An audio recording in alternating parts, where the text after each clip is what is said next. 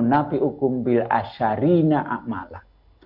Katakan Muhammad kepada umatmu, maukah aku kabarkan kepada kamu tentang orang-orang yang paling merugi amal perbuatannya di dunia.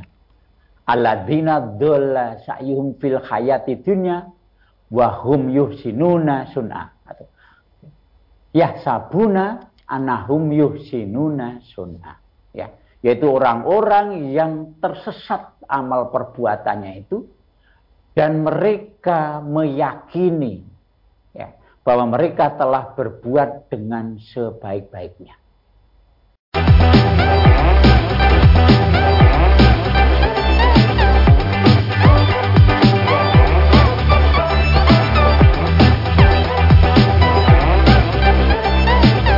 Bismillahirrahmanirrahim. Assalamualaikum warahmatullahi wabarakatuh. Saudara pemirsa channel terpilih MTA TV di mana pun anda berada Puji syukur Alhamdulillah senantiasa kita panjatkan kehadirat ilahi Rabbi Allah subhanahu wa ta'ala Atas kenam karunia nikmat dan juga rahmatnya untuk kita semua Di perjumpaan awal aktivitas pagi hari ini. Kita jumpa kembali di program unggulan Fajar Hidayah. Dan Alhamdulillah kita sudah terhubung dengan Ustadz Dr. Andus Imun Khairi MSI yang nanti akan memberikan pelajaran untuk kita terkait dengan tema di kesempatan pagi ini yaitu meraih kebahagiaan via amal soleh dan kepribadian agung. Halo, assalamualaikum Ustaz. Waalaikumsalam warahmatullahi wabarakatuh Mas Tommy. Ya, kabar baik dan sehat pagi ini Ustaz. Alhamdulillah. Terus Mas Tommy dan teman-teman di studio. Alhamdulillah baik dan sehat ini Ustaz kesempatan kali ini. Alhamdulillah. Ya. ya. Dan pemirsa Anda nanti bisa bergabung bersama kami di line telepon 0271 6793000, SMS dan juga di WA kami di 08 11 255 3000. Siapkan diri Anda, kita simak pelajaran kita pagi ini. Silakan Ustaz. Bismillahirrahmanirrahim. Assalamualaikum warahmatullahi wabarakatuh. Hamdan wa syukran lillah amma Bapak Ibu dan saudara sekalian, pemirsa Fajar Hidayah yang insya Allah dimuliakan Allah. Alhamdulillah atas izin dan nikmat Allah. Kita masih diberi suatu nikmat yang luar biasa besarnya, yaitu nikmat kesempatan. Dengan nikmat kesempatan ini kita bisa ya hadir pada forum yang mulia ini dalam rangka taklim ya dalam rangka sharing keilmuan agama kita, ya, sharing pengalaman dalam pengamalan keseharian.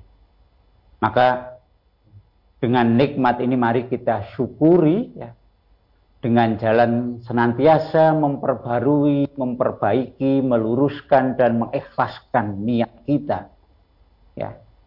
Kemudian fokus mengoptimalkan konsentrasi sehingga kita bisa menerima pelajaran ini dengan baik, kemudian berusaha untuk kita fahami, kita yakini, dan akhirnya kita realisasikan dalam bentuk amaliyah sehari-hari.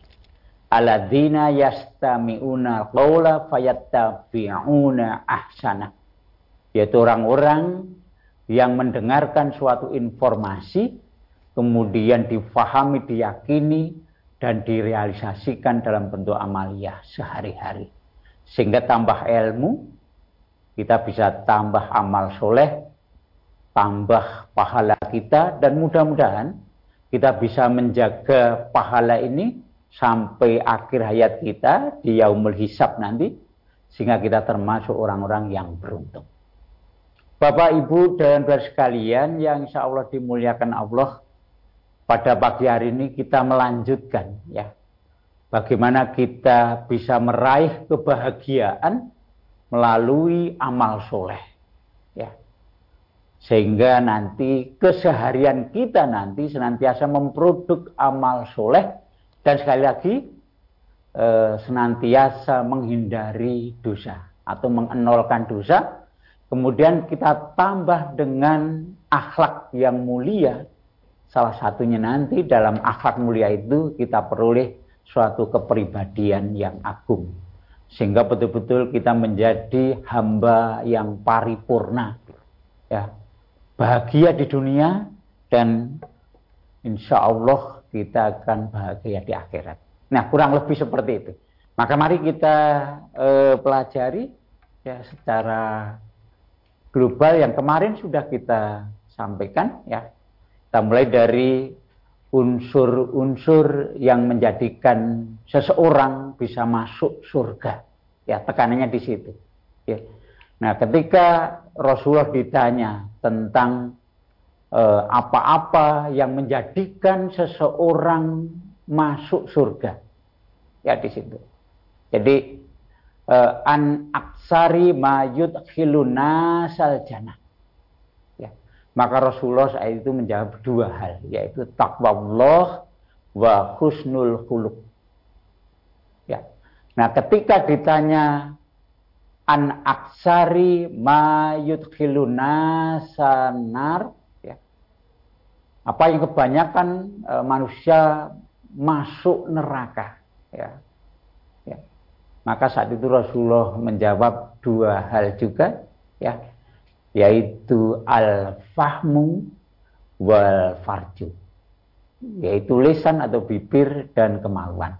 Nah, yang kami tekankan di sini pada eh, poin takwa wa husnul khuluq yang kemarin sudah kita bahas, ya, ternyata sikap toat, sikap atau rasa takut dan sikap ekstra hati-hati.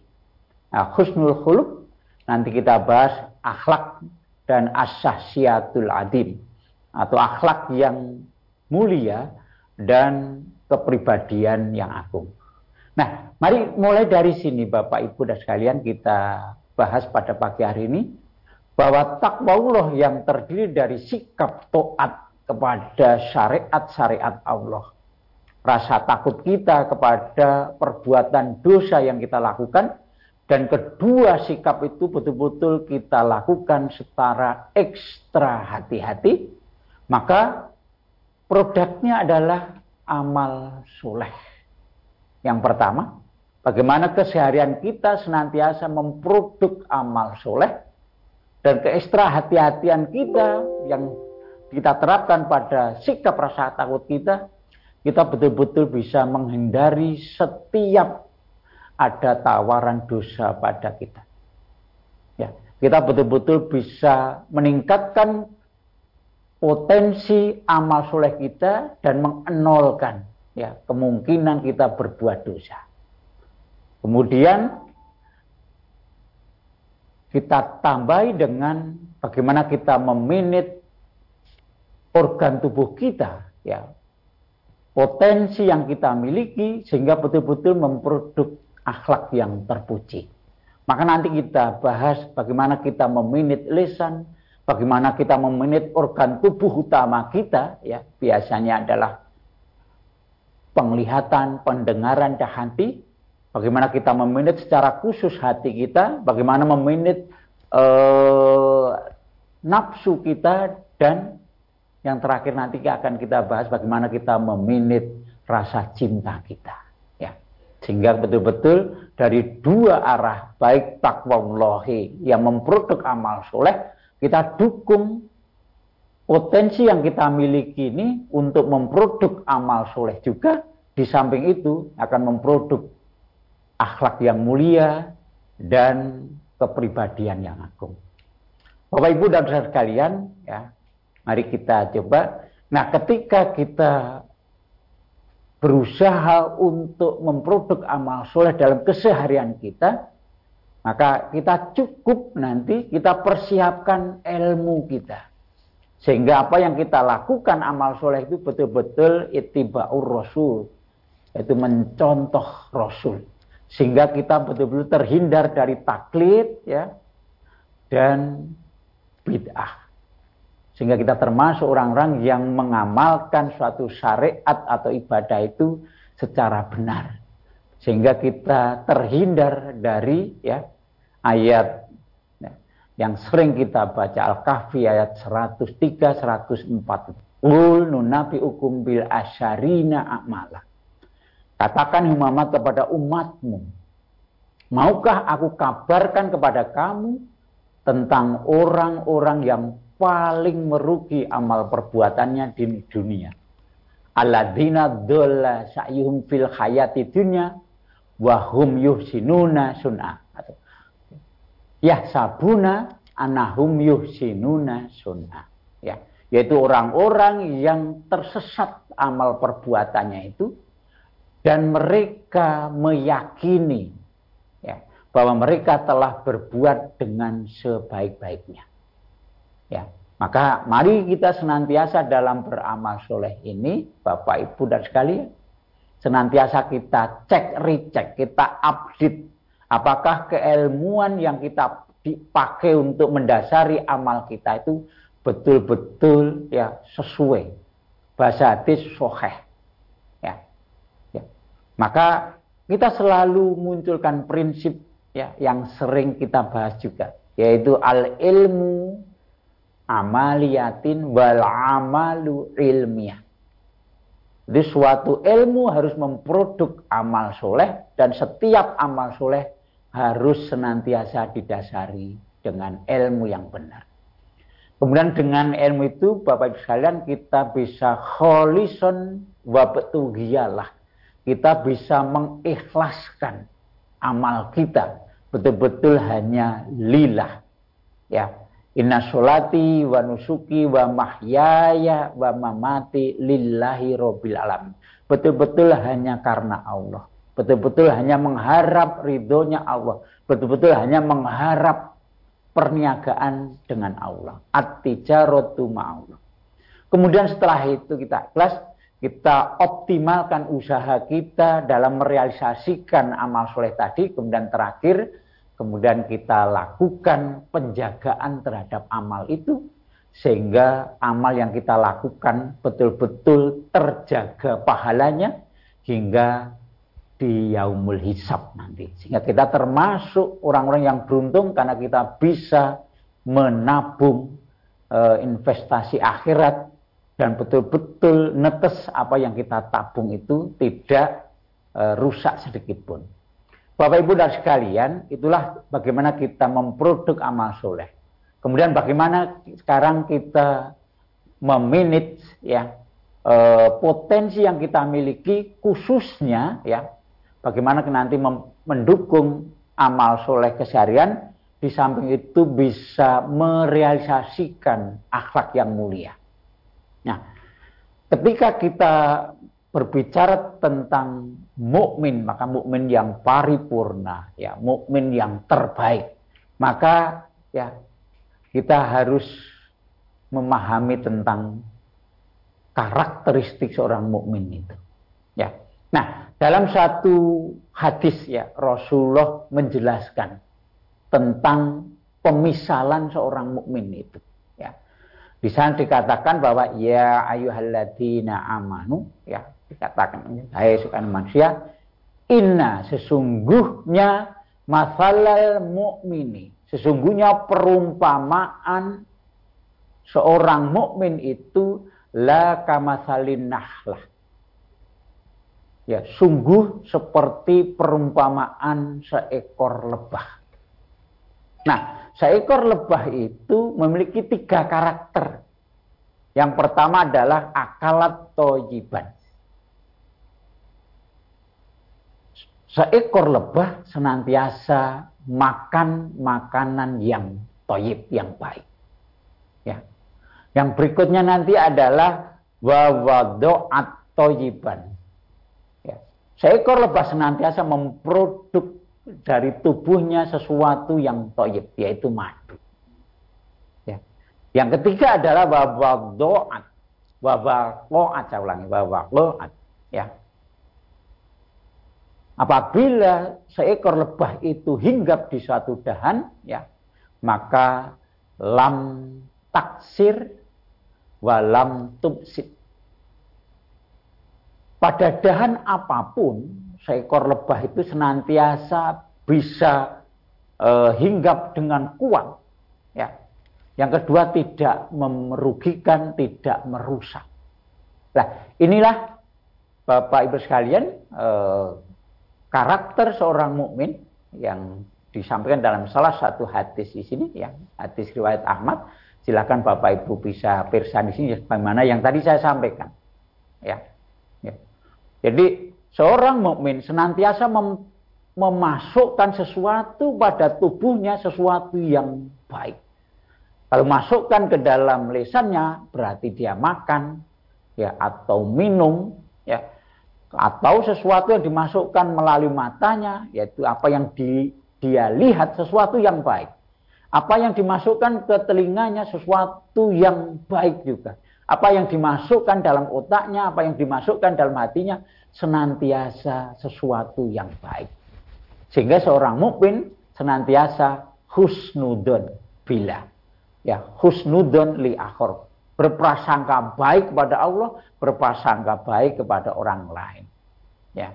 Maka dalam konteks ini Ayat mengatakan la tansa fadla bainakum. Jangan kamu melupakan kebaikan sesama.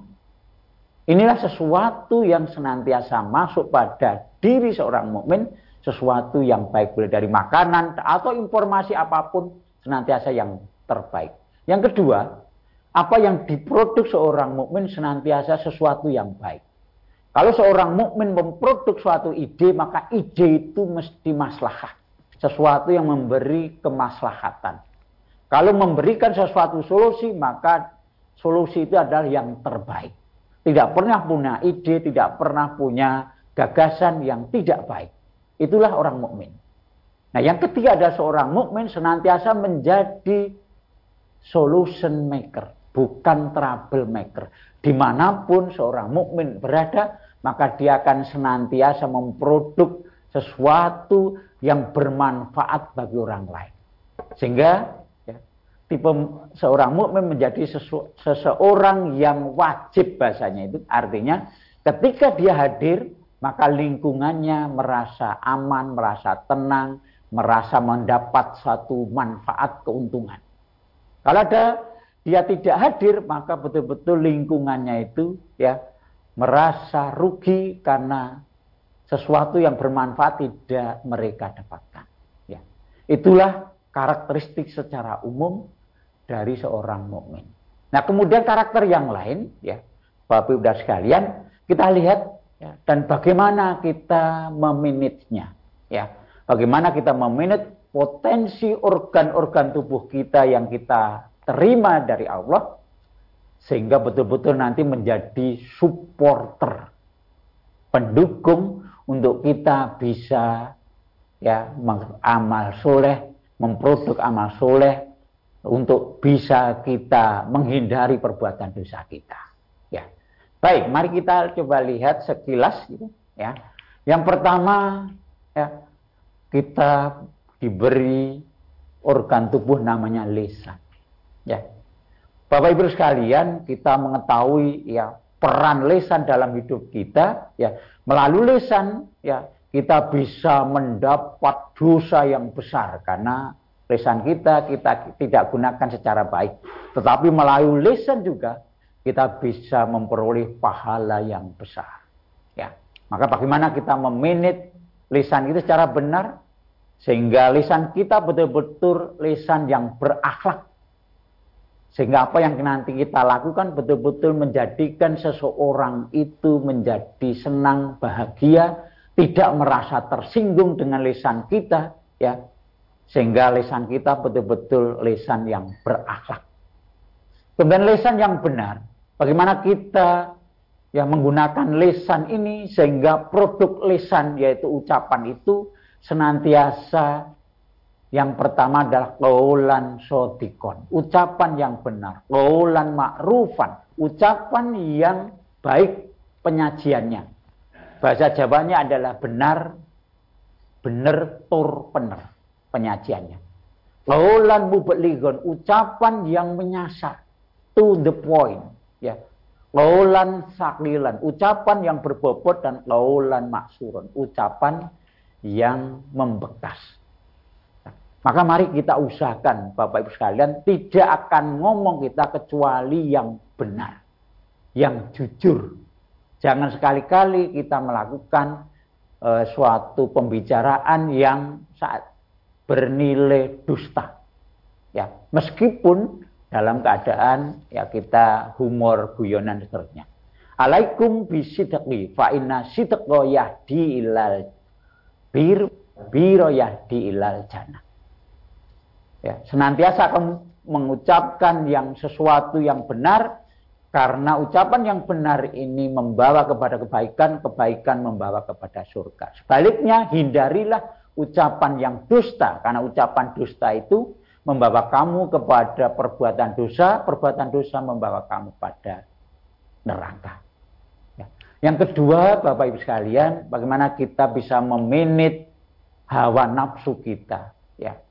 Hawa nafsu kita itu suatu potensi yang sangat besar supportnya pada aktivitas kita. Maka bagaimana hawa nafsu ini kita minit dengan baik sehingga hawa nafsu yang awalnya itu senantiasa inan nafsa la amarotim bisu senantiasa mengajak kepada hal-hal yang buruk, hal-hal yang dosa, tapi kita rubah, kita minit sehingga menjadi nafsu amarah kita rubah menjadi nafsu lawamah sampai pada nafsu al-mutmainah. Sehingga kalau sudah nafsu mutmainah menjadi supporter kita. Rasul pesan pada kita la yu'minu ahadukum hatta yakuna hawahu tapi alima jitubih.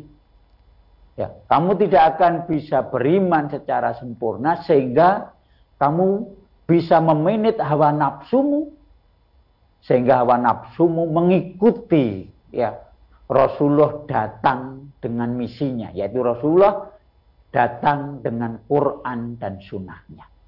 Maka kalau nanti Bapak Ibu sekalian, hawa nafsu betul-betul sudah kita minit sehingga menjadi supporter untuk meraih surga kita. Sehingga kita punya tambahan kekuatan karena nafsu itu punya power. Ya, menjadikan spirit kita tinggi, menjadikan usaha, target, misi dan seterusnya sehingga lebih bermakna lagi. Kemudian Bapak Ibu sekalian, potensi yang lain adalah potensi e, organ tubuh kita, ya. Bagaimana kita bisa mensyukuri semua organ tubuh kita mulai dari penglihatan, pendengaran dan hati kita, kita syukuri, kita jadikan sebagai sarana untuk takorup ilallah. Ya, silahkan nanti dibaca Bapak Ibu ya di surat An-Nahl ayat 78 atau 70 kemudian ditambahi ya orang-orang yang tidak mensyukuri organ tubuh ya di surat Al-A'raf ayat eh, 179 itu sehingga kita lebih paham lagi. Kemudian yang berikutnya adalah sikap atau organ tubuh yang namanya kol bin salim. Ini perlu saya sampaikan ya. Kol bu kita ya kolbun hati kita adalah sesuatu organ tubuh yang menjadikan barometer yang menjadikan e, semua organ organ itu terarah kehendak atau perintah hati ya inna fil jasati mubghodan in solukat solukatul jasatu kuluhu wa in fasadat fasadatul jasadu kulubu ala wa iya qalbu. Ini sebagai manajer organ tubuh kita, sebagai pemimpin kita. Maka bagaimana kita betul-betul bisa mendidik hati ini menjadi kol, kol bin salim. Ya, hati yang selamat.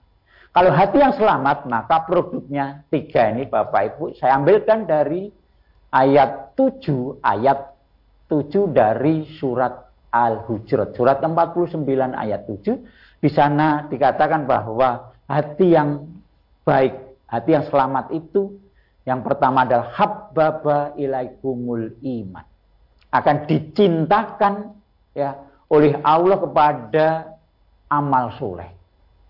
Kemudian amal soleh akan dikemas oleh Allah wa zayanahu fi Allah akan mengemas amal soleh sehingga amal soleh itu betul-betul menjadi sesuatu yang sangat menarik hati kita. Sehingga dari dua e, produk ini senantiasa amal soleh yang ditawarkan pada kita, yang kita terima, ya, yang kita lihat, ya, maka akan senantiasa produk action nyata amal soleh itu. Kemudian terhadap perbuatan dosa, hati kita senantiasa wakaroha ilakumul kufra wal fusuk wal isyan.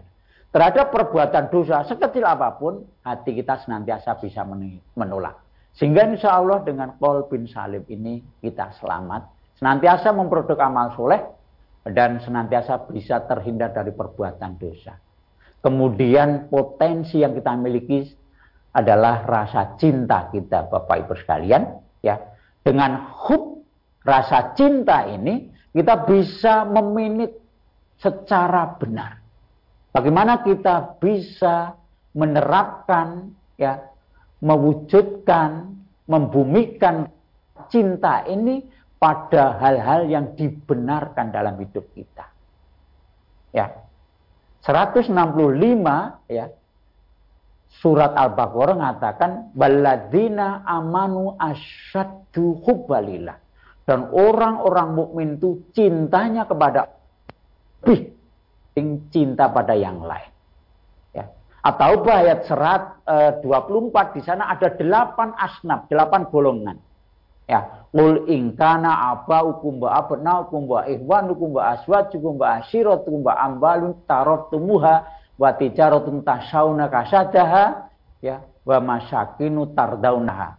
Di situ dikatakan ahabba ilaikum minallahi war rasulihi wa jihadin fisabili fatarabbasu hatta ya'tiyallahu bi amri. Artinya kita suruh meminit terhadap tiga hal ini ya sebagai skala prioritas nomor satu, dua, dan tiga baru yang lain, Bapak. Ya cinta kita pada Allah, cinta kita pada Rasulullah, cinta kita pada jihad fisabilillah. Secara mudah, bagaimana kita senantiasa taat pada Allah, Rasul, dan senantiasa merealisasikan amal-amal soleh dalam setiap kehidupan, uh, setiap aktivitas kita, sehingga kita sudah bisa merealisasikan rasa cinta kita secara benar. Terakhir inilah yang nanti kita akan uh, targetkan sebagai media sarana untuk beramal soleh dan merealisasikan akhlak yang mulia dan kepribadian yang agung. Bapak Ibu sekalian, mari kita tekankan pada akhlak, perilaku kita, ya, tabiat kita, ya. Ya mulai dari perilaku organ tubuh atau tubuh kita kemudian didukung dengan eh, kepribadian yang mulia. Kita lihat bagaimana sikap onaah kita. Ya, merasa cukup, merasa uh, ridho, ikhlas menerima terhadap semua keputusan Allah yang berlaku pada kita semua takdir Allah yang berlaku pada kita setelah kita berusaha maksimal. Yang kedua, sikap akhlak mulia dalam bentuk tawaduk, sopan santun, andap asor, senantiasa memuliakan orang-orang yang lebih tua daripada kita, baik tua dalam umur, tua dalam ilmu, ya, tua dalam uh, ya background pastinya. Sehingga kita senantiasa memuliakan orang yang lebih tua dan kita menyayangi orang yang lebih muda. Di samping itu kita senantiasa peduli kepada orang lain sampai tahapan nanti bentuknya adalah dermawan. Ya, sebagaimana Rasulullah, sifat Rasulullah itu adalah ya di situ azizun alaihi ma anittum wa alaikum uh, harisun alaikum bil mu'minina raufur rahim. Allah Rasulullah senantiasa peduli pada perilaku orang lain, apalagi ya umat yang belum bisa masuk Islam, Rasulullah betul-betul prihatin. Nah, bagaimana kita bisa memiliki sifat sikap yang seperti itu sehingga senantiasa yang kita munculkan adalah husnudonnya bukan seudonnya pemaaf dan tidak memaksakan kehendak sehingga kita senantiasa bisa eh, peduli pada orang lain, kita bisa menghormati orang lain, kita tidak suka memfonis, tidak suka menyalahkan dan seterusnya sehingga kita termasuk hamba Allah yang senantiasa beramal soleh dan memiliki akhlak yang mulia dan kepribadian yang agung. Saya pikir itu dulu Mas Tommy ya. sebagai intro, sebagai bahan untuk uh, bisa didiskusikan dan bisa dijadikan sebagai syarat dialog. Ya, baik. Baik pemirsa, kami harapkan Anda bisa bergabung bersama kami di line telepon 02716793000, SMS dan juga di WA kami di 08 11 Namun sebelumnya kita akan simak beberapa informasi dalam rangkaian jeda pariwara berikut ini. Baik pemirsa, kami harapkan Anda saat ini sudah bisa bergabung di line telepon dan juga di SMS dan WA. Kesempatan pertama kami persilahkan di line telepon di 6793000. Halo, Assalamualaikum. Halo, Assalamualaikum. Waalaikumsalam warahmatullahi wabarakatuh. Ya, dengan siapa di mana Ibu? Dengan Umar di Delanggu. Ya, silakan Ibu Umar di Delanggu. Assalamualaikum Pak Ustaz. Waalaikumsalam warahmatullahi wabarakatuh, Bu Umar. Gini Ustaz, tentang halal haram ya. Seumpama ini Ustaz, kita, kita beli makanan di warung. Lah, minyaknya itu buat habis buat goreng ayam gitu loh. Kan ayamnya nggak tahu sembeliannya. Terus ya. yang lainnya yang lainnya itu juga haram gitu Ustadz. Iya. Ya. Demikian. Ya, terima kasih kita ya. Ustaz. Terima kasih. Wassalamualaikum warahmatullahi wabarakatuh. Waalaikumsalam warahmatullahi wabarakatuh. Ya.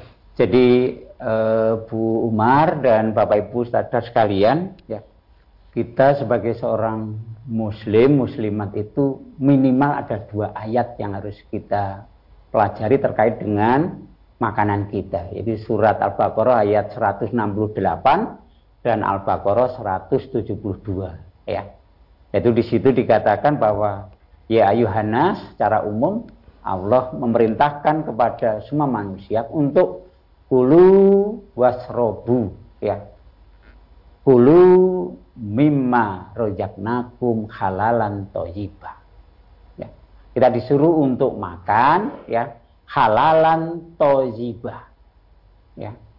Baik zatnya itu adalah halal dan prosesnya itu adalah toyib dan toyib untuk tubuh kita. Ya.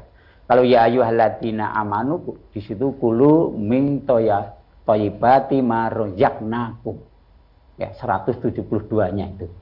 Ya, artinya Bapak Ibu sekalian kita disuruh betul-betul selektif ya eh, apa yang kita makan ya betul-betul secara yakin bahwa zatnya itu halal.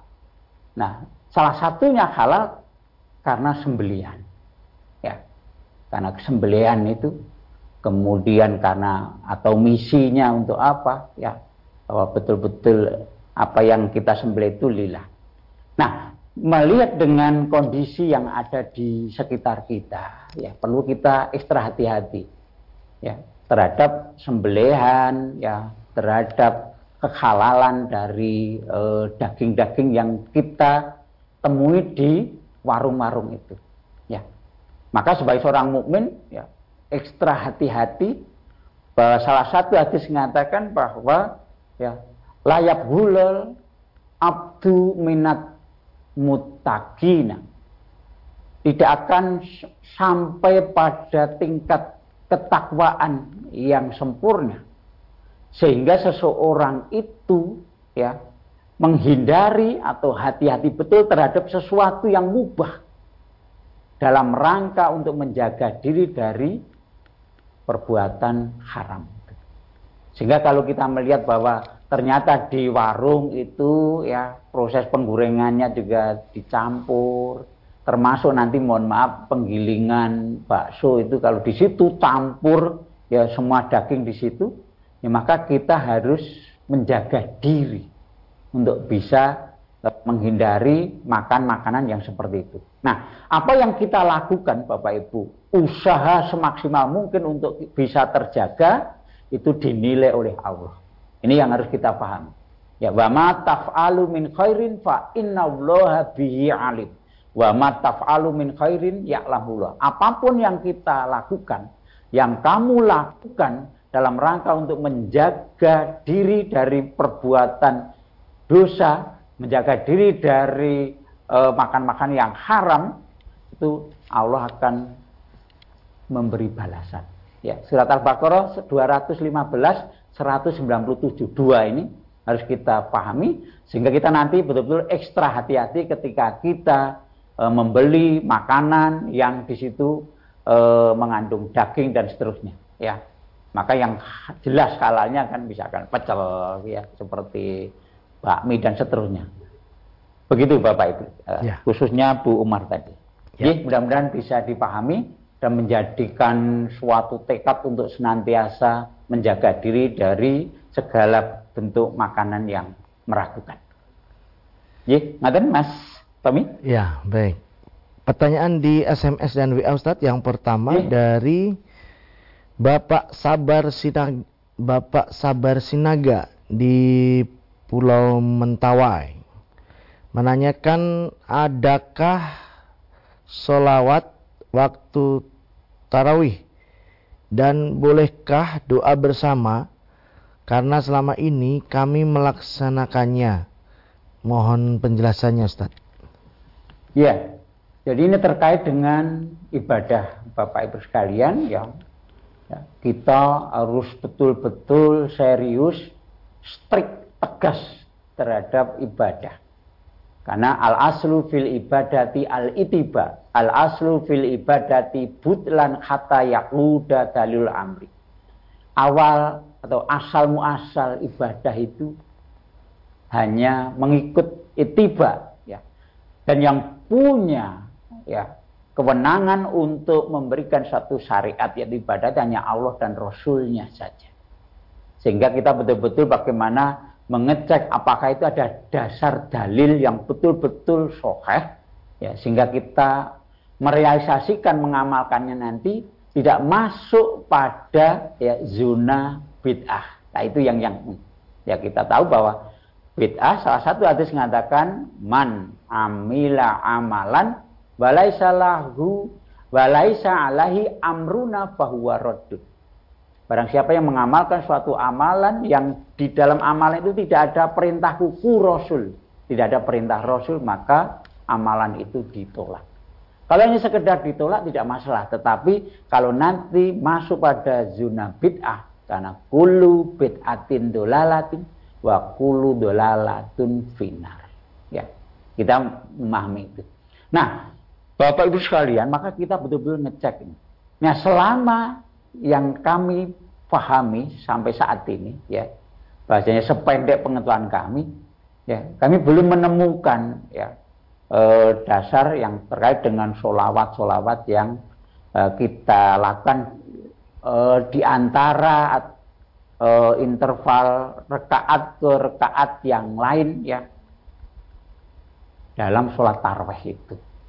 Ya, karena kita belum mengetahui ya maka kita tidak mengamalkan. Sebagaimana ya la ta'fu ma laisalaka bihi ilmun inna sam'a wal basar wal fu'adda kulu ulaika kana anhu mas'ula. Dalil Al-Isra itu 36 itu kita pakai.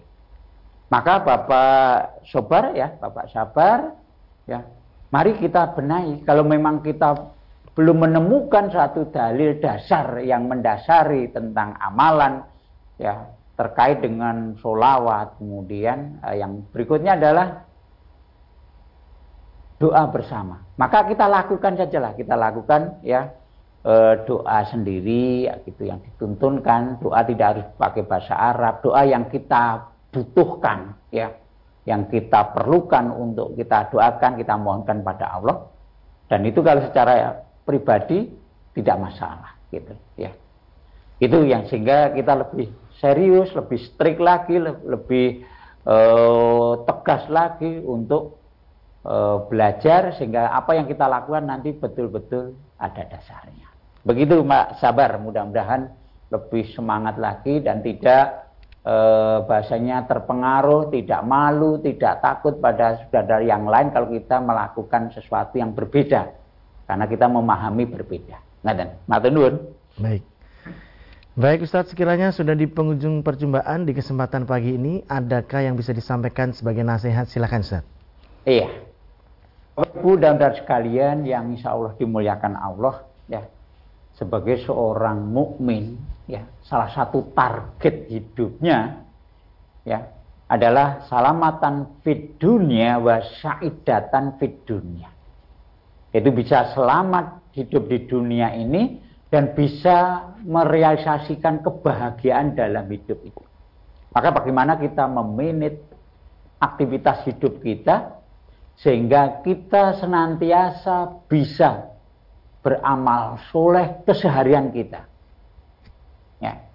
Peka terhadap amal soleh sehingga setiap kesempatan amal soleh kita bisa ambil. Dan kita betul-betul ekstra hati-hati untuk peka terhadap dosa sehingga setiap kesempatan tawaran untuk berbuat dosa senantiasa kita tolak. Ya. Sehingga keseharian kita ya mudah-mudahan senantiasa memproduk amal soleh dan mengenolkan dosa.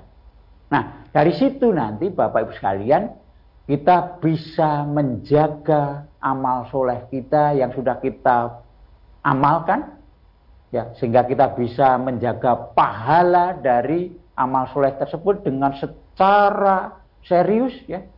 Secara ekstra hati-hati sehingga amal soleh yang nanti menghasilkan kanjun min kunuzil dana ya tabungan dari investasi akhirat nanti betul-betul kita bisa ya dapatkan sehingga kita termasuk orang-orang yang beruntung karena kita termasuk fa'amma mang saqulat mawazinuhu bahwa fi isyati rodiyah. Termasuk orang-orang yang beban atau berat timbangan amal solehnya lebih berat daripada e, timbangan bobot perbuatan dosanya sehingga kita termasuk orang-orang yang beruntung dan dimasukkan surga. Sehingga target hidup kita salamatan fil akhirah juga kita bisa realisasikan.